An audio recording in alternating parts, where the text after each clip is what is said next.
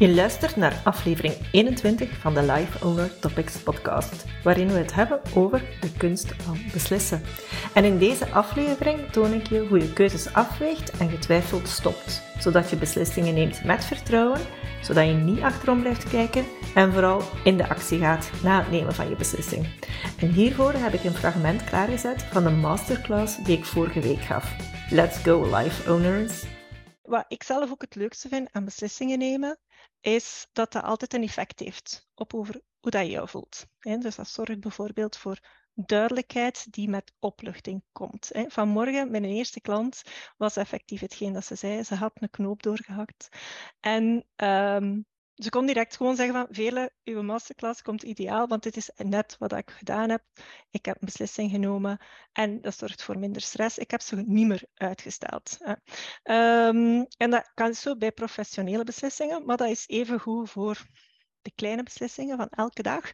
Uh, wat dat je gaat aandoen, wat dat je moet eten. Ik denk dat ik niet de enige ben um, die soms een keer voor de frigo staat en denkt, oh, wat gaan we nou eten? Hè? Of die daar eigenlijk uh, soms dan een plan voor maakt of whatever. Dus dat zijn ook dingen die plaats nemen. Um, voilà. Ga ik jullie iets meer vertellen over mij, wie daar voor jullie zit. Uh, dus ik ben Veerle, ik ben life coach. Um, en uh, ik ben expert in zelfvertrouwen en alles wat met actieve mindset te maken heeft. Dus ik ben voor de actie. Voilà. Um, en ik ondersteun voornamelijk uh, werkende mama's en leerkrachten, zodanig dat zij zich beter gaan voelen op het werk of op school uh, en ook thuis. En dat heeft eigenlijk ook altijd impact in hoe dat zij in hun omgeving staan. En ze pakken dat eigenlijk ook altijd mee uh, op hun werk en naar hun gezin eigenlijk. En voor mij in mijn missie, waarom dat ik life coach ben, is dat een dubbele win. Want enerzijds wil ik vrouwen sterker maken. Dat is echt waarvoor ik het doe. En anderzijds ja, komt dat ook ten goede van onze kinderen. Want als wij als vrouwen sterker zijn, uh, ja, dan geven we dat eigenlijk ook door als voorbeeld naar onze kinderen. Dus dat is eigenlijk mijn missie als life coach. Uh, is dat iets dat er op 1, 2, 3 is gekomen? Nee, hè? dat is ook het gevolg van aaneenschakeling van beslissingen. Om ergens op uit te komen. En het is begonnen uh, met een beslissing vijf jaar geleden waarbij ik gewoon beslist heb van ik ga mezelf sterker maken. Um, enerzijds van oké, op mijn werk en hoe dat ik omga met werkdruk, hoe dat ik omga met stress en verantwoordelijkheden. En anderzijds ook ja, als mama, en ik ben ook plusmama, dus dat bracht ook wel wat spanningen mee, um, twijfel en dergelijke. Dus daar ging ik mij ook sterker in maken. Dus dat is eigenlijk hetgene dat ik voor mij beslist heb toen. Ik ga mij sterker maken. Ik wist nog niet hoe, en ik wist ook dat ik het wel ging uitzoeken. Dus dat is eigenlijk de kracht van beslissing, is dat je dingen begint vast te pakken. Dat je een commitment maakt naar jezelf om iets te doen. En voilà, fast forward. Vijf jaar later zitten we hier. Ben ik certificeerd life coach.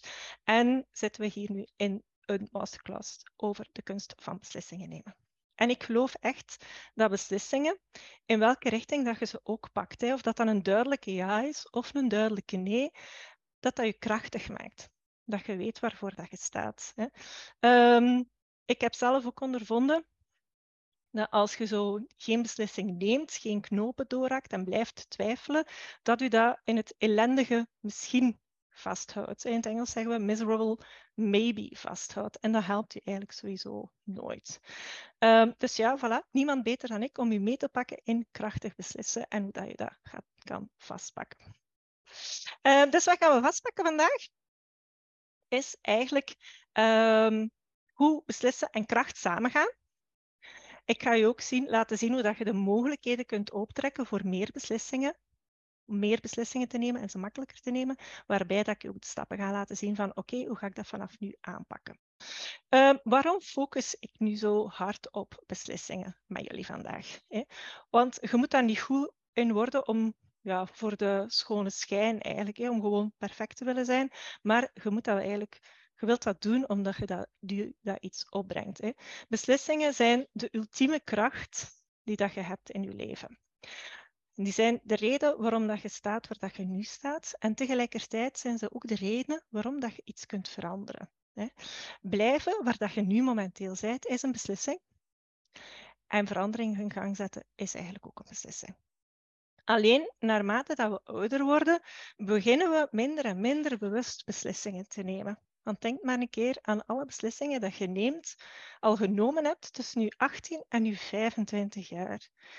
De meeste van ons hebben dan beslist wat we gaan studeren. We, zijn ergens, we hebben ons eerste werk gehad en misschien zijn er ook nog een aantal andere beslissingen genomen. En daarna vallen we soms zo wat stil in beslissingen nemen. Wat op zich wel zot is, want als je gewoon denkt hoeveel meer dat je nu weet in levenservaring dan toen dat je 18 jaar werd. En vaak, vaak uh, gaan we ook uh, veronderstellen dat we dingen moeten doen, dat we eigenlijk moeten blijven naleven. En het lijkt alsof dat soms de belangrijkste beslissingen in ons leven al genomen zijn. Terwijl dat je vandaag nog altijd nieuwe beslissingen kunt nemen met impact. En daar ga ik je vandaag in uitdagen, is om dat te overwegen dat je nog altijd opties hebt, dat je nog altijd andere beslissingen kunt nemen en dat dat ook altijd zo gaat zijn. Maar eerst dit nog. Wat is eigenlijk een beslissing? Een beslissing is eigenlijk gewoon een zinnetje in je hoofd waarvan dat jij besluit dat je het gaat volgen. En dat je de dingen gaat doen om het resultaat te behalen dat daarbij hoort. Of dat je de dingen gaat uitzoeken die daarbij horen. En meer is het eigenlijk niet. Het is een zinnetje waarvan dat je beslist dat je het gaat naleven. En dan, die beslissing is eigenlijk op zich maar één seconde. Ik weet als we twijfelen dat het heel veel langer duurt voordat we een beslissing pakken, maar op zich de knoop doorhakken, dat is maar één seconde. En dan zit er geen twijfel meer in. Alleen als je gaat kijken naar toen dat je nog grote beslissingen nam, vroeger toen we jonger waren, dan kijk je vooral naar wat dat anderen deden, wat dat de mensen rondom je deden en wat dat hun zinnetjes en hun besluiten waren. En dan deden zo'n beetje wat dat verondersteld werd te doen, hè? wat dat de flow leek. Bij mij bijvoorbeeld was dat, uh, ik was goed, uh, ik deed economie wiskunde, ik was daar goed in en ik ging economie studeren. En uh, ja, ik ben in de finance-wereld van start gegaan, want dat leek gewoon logisch op die moment.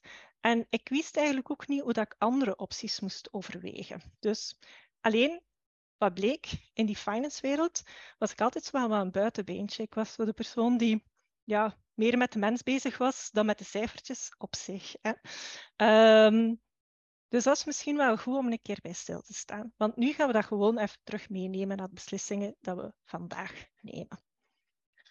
Want daar zie je dat ook terug, hè? hoe dat je vandaag omgaat met uitdagingen in je leven of met tegenslagen die ongevraagd op je pad komen, want die zijn er. Hè?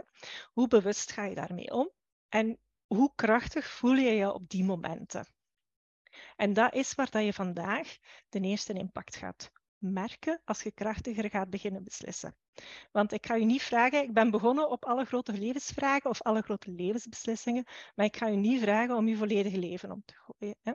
Om al je grote beslissingen onder de loep te nemen, alles behalve zelfs.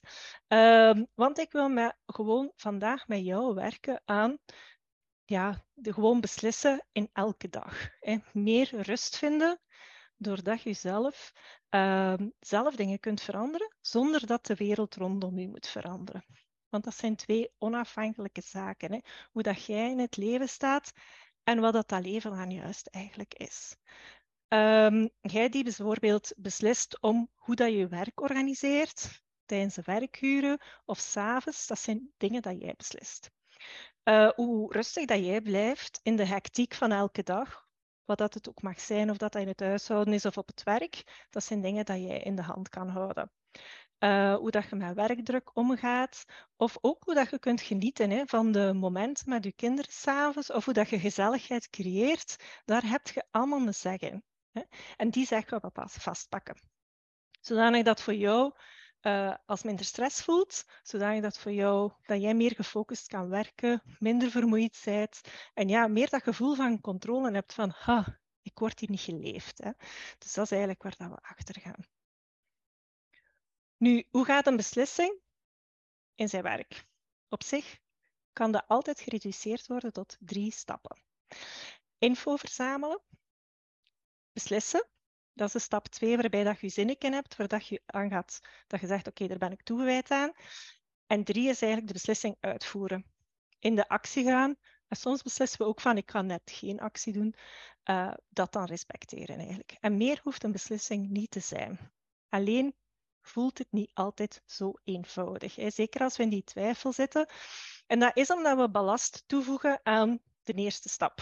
Dat stukje van informatie verzamelen of omdat we ballast toevoegen aan die derde stap in de uitvoering gaan van een beslissing. En ballast kan er zo uitzien, uh, onophoudelijk informatie blijven verzamelen voordat je een knoop doorhangt. Dat je denkt, ah, ik moet dat nog weten, ik moet dat nog weten, maar er is nooit iets volledig zodanig dat je een knoop kunt doorhakken. Of dat je na je beslissing bevestiging blijft zoeken bij anderen bijvoorbeeld, dat, waardoor dat je, ja, een beslissing nooit helemaal compleet is, nooit afgerond is effectief. En het zorgt er vooral voor dat je ter plaatse blijft trappelen. En dat heeft niet veel nut. Dat heeft eigenlijk helemaal geen nut. Dat gaat je nooit iets extra geven. En dat is waarom dat het zo vermoeiend is. Want eigenlijk blijft dat energie vragen om iedere keer te denken aan een beslissing. Ehm, en als je dan bedenkt dat we 35.000 beslissingen nemen per dag. Ja, ik heb hier 30.000 gezegd. maar we nemen dus 30.000 tot 35.000 beslissingen per dag, wat dus gigantisch veel is. Hè. En daarbij zit eigenlijk ook, uh, bijvoorbeeld als we met een auto rijden, neemde ook beslissingen. Hè. Gas geven, remmen, nog een auto voorlaten, aan de lichten stoppen, zijn allemaal beslissingen eigenlijk. Iemand die angstig is in het verkeer, die kan hiervan meespreken. Die beleeft dat heel bewust en voor die persoon zijn dat stresserende beslissingen. Voor andere mensen zijn dat automatische beslissingen. En dat is net zoals je tanden poetsen of uh, dat je er niet meer bij stilstaat als je een glas water inschenkt, dat je er ja, dat dat niet zal lukken eigenlijk. Dat zijn eigenlijk allemaal automatische beslissingen over hoe dat je dat moet doen. Maar grosso modo moeten we weten dat je ook een honderdtal bewuste beslissingen neemt per dag, wat nog altijd best veel is eigenlijk. Hè. En dat is eigenlijk de reden waarom dat je de ballast in stap 1, info verzamelen, en stap 2, de uitvoering van een actie, gewoon zoveel mogelijk wilt vermijden, zodat je het voor jezelf veel eenvoudiger maakt. Uh, en dat gaat over de kleine en de grote beslissingen. Hè. Dus dat kan gaan over grotere beslissingen is bewust kiezen of dat je in een relatie blijft of, of net niet. Of als je van werk wilt veranderen. Of misschien beslissen om niet van werk te veranderen en het volgende jaar op dit werk te blijven en het een jaar lang niet in vraag te stellen. Dat zijn ook beslissingen uh, dat je kan nemen bij mij wat er nu op de plank ligt is van gaan we een hondje nemen of niet. Zo van die dingen zijn allemaal beslissingen. Maar evengoed, wat ga ik aandoen van de morgen? Volg je deze masterclass uh, live of in replay? Um, zijn ook beslissingen. Zelfs zo het feit dat je door Instagram aan het scrollen bent of niet. Hè. Um, zijn allemaal beslissingen en die zijn redelijk zichtbaar. Hè. Die zijn heel duidelijk vanzelfsprekend dat dat beslissingen zijn. Maar we nemen elke dag ook onzichtbare beslissingen. Dat gaat over het verleden, blijven overdenken en herhalen in uw gedachten en zien wat het een impact is op vandaag en daarvoor altijd gaan teruggrijpen naar het verleden of je zorgen maken of piekeren. Uh, en zo blijven malen over die worst case scenario's. Maar een onzichtbare beslissing is evengoed geloven in jezelf zonder dat je bewijs hebt op voorhand. Dat is ook een onzichtbare beslissing. Hè. Maar beslissingen zijn er dus constant op verschillende to topics.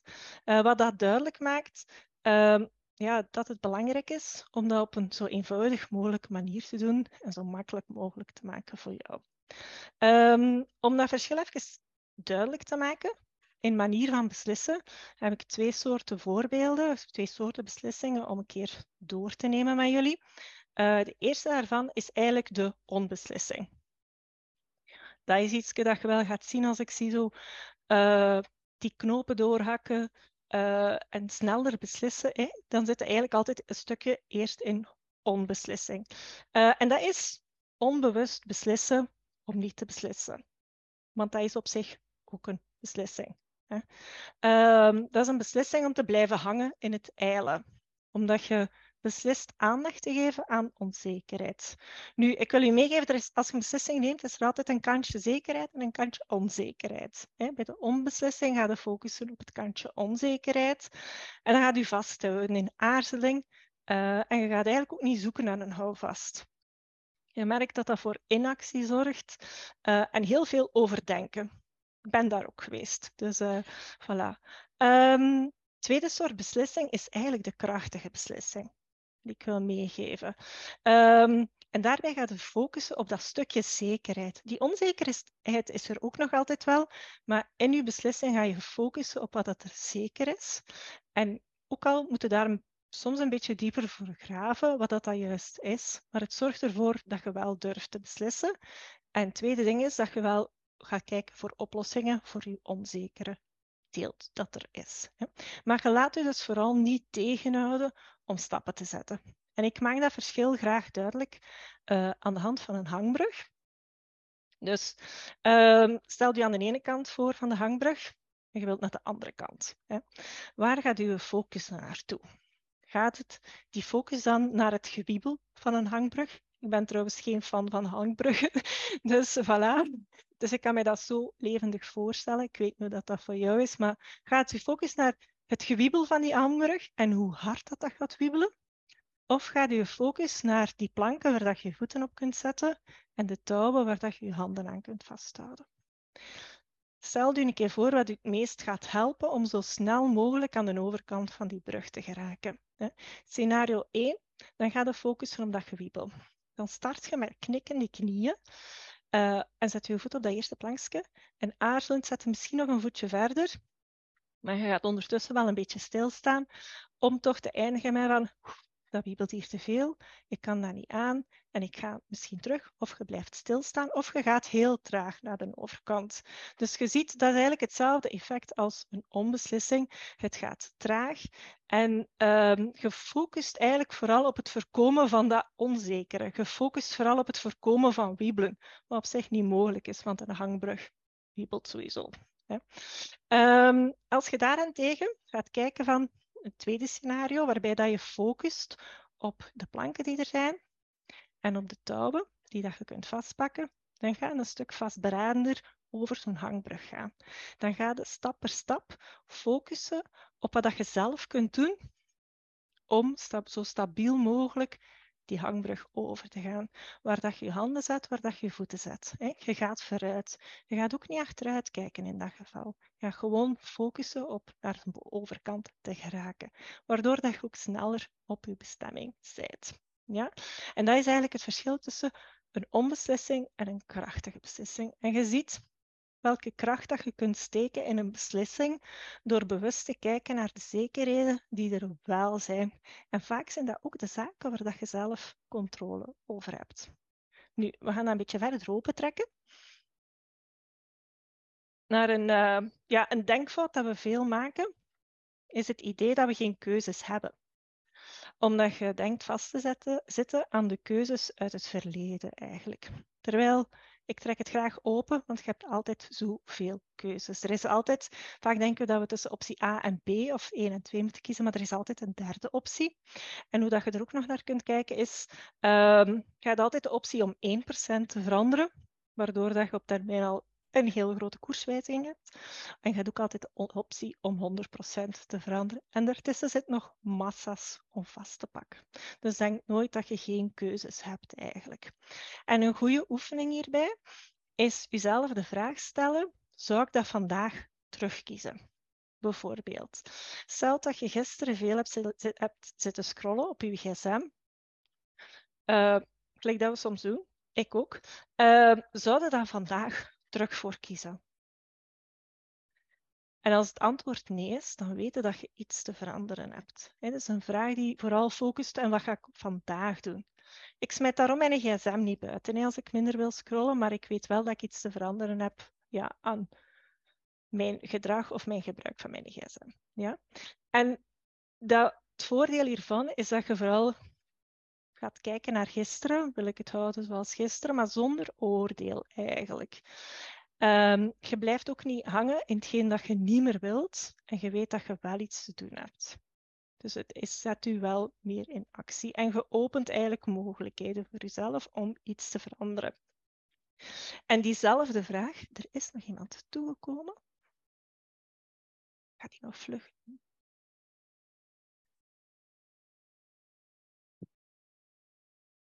Voilà. Hallo, hallo. Ja. ga nog eerst even meegeven. Ik denk dat jij nog moet uh, aangeven dat je wilt joinen met computer audio. En dan ben je gelijk mee. Voilà, connected. Hallo, goedenavond. um, ik ga hier jou laten inpikken waar dat we momenteel zijn, effectief. Um, maar je opent dus mogelijkheden voor jezelf uh, als je gaat zien van oké, wat heb ik gisteren gedaan en wil ik dat houden? En je gaat vooral kijken naar wat dat je wil veranderen. En diezelfde vraag kunt u dus inderdaad stellen over je werk, uh, over je relaties, over je mama-rol, etc. Je moet niet van man veranderen om je relatie te veranderen. Je moet niet van werk veranderen om je werk terug graag te doen. En als je gisteren bent uitgevlogen tegen je kinderen, dan ook kunnen dat vandaag anders aanpakken. En dat is belangrijk, uh, want de manier waarop dat je vandaag beslist dingen aan te pakken, is hoe dat je eigenlijk, uh, is de basis voor je toekomst eigenlijk. Je wilt dus eigenlijk zorgen voor openheid. En wat er hier altijd bij helpt is um, weten dat je altijd de best mogelijke beslissing neemt met de gekende en beschikbare informatie op die moment. Dat is altijd een goede om mee te pakken voor mensen die twijfelen, want je neemt altijd de best mogelijke beslissing. En je hebt altijd een, bepaald, um, bepaalde hoeveelheid aan informatie waar dat je rekening mee houdt. Hè? Dus je mag er altijd van uitgaan dat je altijd de, uh, altijd uh, de best mogelijke beslissing neemt. Uh, ik ga er straks op die andere vraag nog terugkomen. Ja. Um, ik ben bijvoorbeeld getrouwd op 23 mei 2021. Dat is in volle corona en zonder mijn familie erbij. Toen we die datum vastlegden, dat is echt een voorbeeld, daar hebben we nog geen idee van dat je familie er niet bij gaat kunnen zijn. En toch was 23 mei onze beste beslissing ooit. Hè? Dus daar moet je altijd op vertrouwen. En een goede reminder voor jezelf in tijden van twijfel is dat je nooit bewust een verkeerde of een slechte beslissing neemt. Er is niemand die zegt, en nu ga ik hier bewust verkeerd beslissen. Niemand, jij ook niet. Dus beslis met de zekerheden dat je, met de zekerheden dat je hebt, waar dat je toegang tot hebt in die moment. En dan gaat het altijd vooruit gaan. Niet meer en niet minder dan dat. En dat is ook oké, want er is niet zoiets als een goede of een foute beslissing. Dat bestaat eigenlijk niet. Um, ja. Er is enkel de beslissing die gemaakt. De beslissing die genomen is. En dat je daar achteraf een goede of een foute beslissing van maakt, is iets dat we met onze gedachten doen. En je moet weten dat er nooit een upside aan is. Er is nooit een voordeel aan om iets te gaan bestempelen als goed of als fout. Dat gaat u nooit eigenlijk helpen. Um, je kunt wel gaan kijken naar uh, beslissingen nemen, hoe dat je dat gedaan hebt en uit dat proces leren, maar niet om het te bestempelen als goed of als fout. Ja? Um, gewoon wat dat je best op focust is van ik neem de beste beslissing nu. En waarom is het interessant om dat te geloven? Want als jij weet van dit is de beste beslissing nu, dan gaat je er ook volledig ingaan, dan gaat je volledig toegewijd zijn en dan gaat er ook voor zorgen dat dat je beste beslissing is. Dus dat is echt puur mindsetwerk. Dan ga je geen getwijfel hebben, dan ga je niet meer achterom kijken, dan gaat er gewoon voor gaan met goesting. En dan is het sowieso altijd beste beslissing. Ik heb daar straks uh, op het einde eigenlijk meer, gaan we daar ook nog een beslissingsmatrix uh, rond vastpakken als hulpmiddel voor jou om daar een aantal dingen in, in te zetten eigenlijk. En daarom is het ook zo belangrijk om je eigenaar te voelen van je beslissingen. Want als je eigenaar voelt van je beslissingen, dan heb je goestingen om ze uit te voeren. En dan kom je niet meer in de problemen omdat je denkt dat je geleefd werd eigenlijk. Dan is dat niet meer aan de orde, want dat wordt het jouw beslissingen. En dan is er niemand anders die je precies controleert met zo'n game controller. Je doet dan de dingen dat je wilt doen, ook als ze moeilijk zijn. Als je dat zelf beslist hebt, is dat geen probleem. Ook als ze lastig zijn, dan is dat niet erg, want dat zijn jouw beslissingen geweest. En dat is hoe je vandaag voor verandering zorgt. Zonder dat je moet wachten op iemand anders. Zonder dat je moet wachten totdat iemand u iets geeft wat dat jij wilt. Hè. Door zelfbewust beslissen kun je ja, zoveel meer in handen pakken. En door daar bewust van te zijn. En ik, mijn grootste uh, domein om dat te leren was als plusmama. Uh, als je dus ergens die vaardigheid wilt kunnen oefenen, om zelf in je kracht te staan, terwijl dat de wereld rondom jou die situaties niet veranderen, dan is dat echt samengestelde gezinnen iets om op te oefenen. Um, en eerst wil ik, uh, wacht hè. Ja, wat dat je daarvoor eerst moet doen, ik even mijn draad kwijt, geen probleem. Uh, wat dat je eerst wilt doen, is al die beslissingen die dat je precies moet ondergaan vandaag, waar dat je precies geen keuze in hebt, uh, je wilt die gaan herkennen. En dat kan soms oncomfortabel zijn, maar ter herinnering, vandaag is het soms ook oncomfortabel hè, als er stress en getwijfel en zo bij komt. Dus je wilt eigenlijk wel gaan kijken van welke beslissingen, welke dingen heb ik zo precies te ondergaan en heb ik zo het gevoel dat ik geen keuze heb. En dat zijn eigenlijk de beslissingen dat je wilt gaan vastpakken. En dat zijn bijvoorbeeld beslissingen um, waarvan dat je als leerkracht bijvoorbeeld denkt, oh, ik moet al mijn vrije momenten werken voor school of s'avonds laat nog doorwerken, ik heb daar geen keuze in. Of de beslissing uh, om altijd iets te moeten doen in het huishouden, om ja, geen tijd te hebben voor te sporten bijvoorbeeld, om geen nee te kunnen zeggen tegen bepaalde ver vergaderingen. Um, dat zijn dingen die ik ook allemaal heb meegemaakt. Hè. Behalve die van leerkracht. Maar ik kan wel zeggen dat ik dat bij al mijn leerkrachtklanten hoor terugkomen. Dus voilà. Hè. Maar ik nam vroeger ook wel um, de beslissing, dat was voor mij de confronterende beslissing, om de drama queen uit te hangen als plusmama eigenlijk in de samengesteld gezin dynamiek. En eigenaarschap nemen is eigenlijk altijd het beste dat je kunt doen, ook al vinden dat niet zo tof. Maar het goede daaraan is dat je geen slachtoffer niet meer voelt van alles wat er rondom jou gebeurt. Hè. En dan is het moment dat je voor verandering kunt gaan zorgen, dat jij er anders in kunt gaan staan. Om je bijvoorbeeld terug thuis te voelen uh, in je eigen huis als er plus kinderen er zijn, of om grenzen te stellen, uh, te beslissen rond grenzen uh, als het over thuiswerken gaat, of om jezelf en sport op de planning te zetten. Ja? Um, als je eigenaar wordt van iets, dan kun je gaan kijken naar mogelijkheden. Dan kun je mogelijkheden gaan zoeken. Bijvoorbeeld, uh, als je te veel vergaderingen hebt, uh, dan is dat eigenlijk een probleem. Dan voelt dat stresserend voor jou, omdat je niet meer kan opdagen zoals dat je wil in je job. Ja, met dezelfde kwaliteit werk afleveren. Je voelt je beperkt eigenlijk in hoe dat je dan opdaagt. Dus daar kun je bijvoorbeeld naar mogelijkheden gaan zien. En ik geef er drie aan eigenlijk. Um, je kunt aan een bepaalde vergadering niet deelnemen en iemand teleurstellen. Of je kunt wel deelnemen aan, aan de vergadering, maar minder werk afleveren op een ander domein.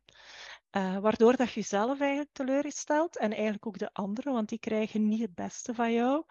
Uh, of je kunt werken halen thuis, waardoor dat je ook teleurstelt aan jezelf, omdat je thuis aan het werken bent, en aan je gezin eigenlijk. Ja.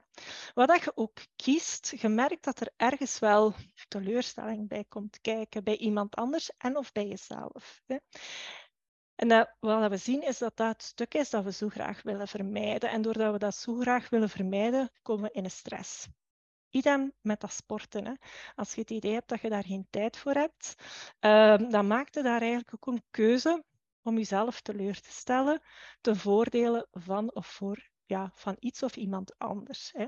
En er is ook een andere mogelijkheid, uh, dat komt van mijn klant, uh, is toch gaan sporten en ergens ja, de onopgeruimde keuken achterlaten en wat dat, dat dan met jou doet. Wat ook niet altijd even goed voelt. Dus je merkt, je probeert altijd wel iets te vermijden uh, als je op beslissingen zit te chicken of als ze beslissingen stress geven, effectief. Hè. Maar eigenlijk heb je altijd wel keuzes. Alleen zijn er dus consequenties aan verbonden en die willen we niet altijd zien, omdat we niet goed weten wat we ermee moeten doen. Ja. Uh, maar deze eerste stap was vooral dat helder beginnen krijgen en daar zicht op beginnen krijgen, uh, zodanig dat we nieuwe beslissingen kunnen nemen. Want je hebt altijd de mogelijkheid om nieuwe en andere beslissingen te nemen. Ook als je weerstand voelt. En dat is belangrijk dat ik jullie misschien eerst laat zien waarom dat weerstand heel normaal is. Um, dat is omdat wij als mensen niet houden van veranderingen, ook als die ons ten goede zouden komen. Um, we hadden er niet van om teleurstelling te, uh, ja, te creëren bij iemand anders of om een oordeel te krijgen. Uh, en we houden er eigenlijk ook niet van van moeilijke dingen te doen. En dat is één deel van ons brein als mens, dat eigenlijk zo is voorgeprogrammeerd, automatisch is voorgeprogrammeerd om dat allemaal niet graag te hebben eigenlijk. Dat is voor iedereen zo. Voor de volle 8 miljard op deze wereld is dat stukje in ons brein aanwezig dat niet, je niet graag verandering heeft, dat niet graag moeilijke dingen heeft en dat eigenlijk ja, bij de groep wilt horen, waardoor dat we eigenlijk teleurstelling en kritiek en dergelijke moeilijk vinden. Hè? Omdat dat het gevoel geeft dat je niet meer bij de groep hoort. Um, voor mij, dat deel van ons brein, dat zo automatisch zeer actief is, voor mij, ik noem dat de stresskip of de drama queen die altijd ontpiekeren is. En dan woont daar ook nog zo'n tante Rita bij, die eigenlijk op alles en iedereen, op mij dus, kritiek heeft eigenlijk. Hè. En vroeger was dat stukje van ons brein heel nuttig. Toen dat we in de grotten leefden en elke dag een kwestie was van overleven, dan was dat stuk van ons brein echt hadden we dat nodig om te overleven. Alleen, de dag van vandaag is niet meer elke situatie levensbedreigend, gelijk dat dat zoveel jaren geleden was. Hè. Integendeel, vandaag en dag maakt dat stukje van ons brein het net moeilijker, waardoor dat we meer stress ervaren dan dan nuttig is voor ons. En het goede nieuws is van elk normaal werkend brein, is dat we zo'n brein hebben dat automatisch van nature geprogrammeerd is en altijd in actie wil schieten, is dat we eigenlijk ook een deel hebben in ons brein dat we heel bewust kunnen gaan inschakelen. En het is dat stukje van je brein dat je nodig hebt om controle te zien, controle te nemen, om opties te zien en ja, te beslissen en zo, hè, om eigenlijk je terug de rust te laten terugkomen. En dat is eigenlijk het deel van je brein dat je wilt inschakelen om sterker te worden. Alleen is dat een stukje dat niet automatisch ja, heel krachtig is. Dus het is de bedoeling dat je dat gaat trainen. Dat is een beetje zoals spieren trainen um, en uithouding trainen als je 10 kilometer wilt gaan lopen. Dat doet ook niet van vandaag op morgen. Dat is iets dat je sterker, waar dat je sterker voor moet worden en dat je eigenlijk ja, moet gaan trainen. En dat is eigenlijk hetgene dat ik doe met klanten als life coach in de Life Owner Academy. We gaan dat tweede stuk van je brein gaan trainen, zodanig dat jij je rust kunt gaan opzoeken, zodanig dat je je terug in controle voelt van je leven. En als dat sterk genoeg is, ja, dan kun je die tante Rita, die stresskip en die drama queen gewoon de mond snoeren. Hè. Dan probeer die nog altijd wel aandacht te krijgen, maar dan weet jij hoe dat je die kunt stilkrijgen, hoe dat je die kunt parkeren. En dat is wel een belangrijke. Je kunt op een pauzeknop duwen. Dus je wilt toegang tot je pauzeknop. Nu, we hebben twee stappen gezien rond uh, beslissingen eenvoudiger maken. Eén, de beslissingen herkennen dat je vandaag neemt. En anderzijds ook ja, zien dat je nieuwe beslissingen kunt nemen, terwijl dat je stresskip, de drama queen en tante Rita kunt parkeren aan de zijkant. En nu gaan we een derde stap nemen. En dat is eigenlijk, mijn coach zegt het als, discomfort is the price of growth. En dat is eigenlijk het meest um, transformatieve gedeelte. Um, omdat je gaat doen wat je nog niet gedaan hebt. Je gaat niet meer vermijden wat je tot vandaag probeert te vermijden. Dus als er bijvoorbeeld ergens teleurstelling bij komt kijken, of iets nieuws, of nervositeit, of ergens ja, angst om iets nieuws te doen, dan ga je dat niet meer vermijden, maar ga je leren hoe dat je daar eigenlijk mee omgaat en hoe dat je dat juist verder kan duwen. Zodat um, dat je dat toe gaat laten in plaats van te vermijden, waardoor het jou niet meer tegen gaat houden eigenlijk. En je weet gewoon wat je ermee gaat doen. En hoe beter dat je daarin wordt, hoe meer en makkelijker beslissingen dat je neemt. Dan is kritiek of een teleurstelling of zenuwachtigheid of iets anders missen of zo, uh, ja, geen reden meer om iets te doen. Dus je gaat jezelf uitdagen, iedere keer dat je op een andere manier beslist, om daar ook mee om te gaan. En het voordeel van dit alles is dat je eigenlijk je stressniveau en dergelijke ook gaat verlagen, al het getwijfelen en al het pieker gaat verminderen.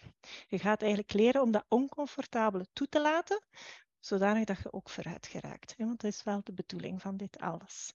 Um, welke kant dat je ook opgaat eigenlijk. Hè? Wat ook een beslissing is.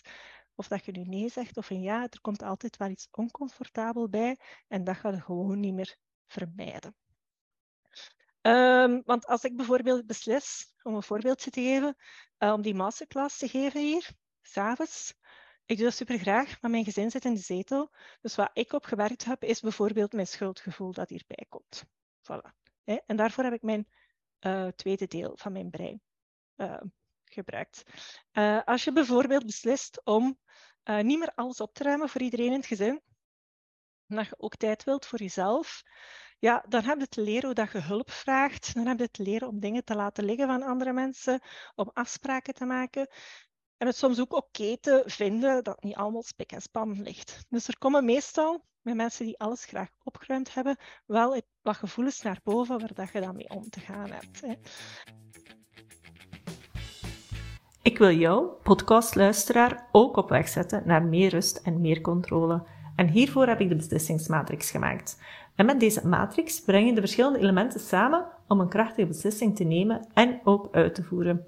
Het is een stap-voor-stap matrix op één pagina, waar dat je uh, zicht krijgt op je beslissingscriteria. En tipje van de sluier, dit zijn niet de criteria waaraan je standaard zou denken.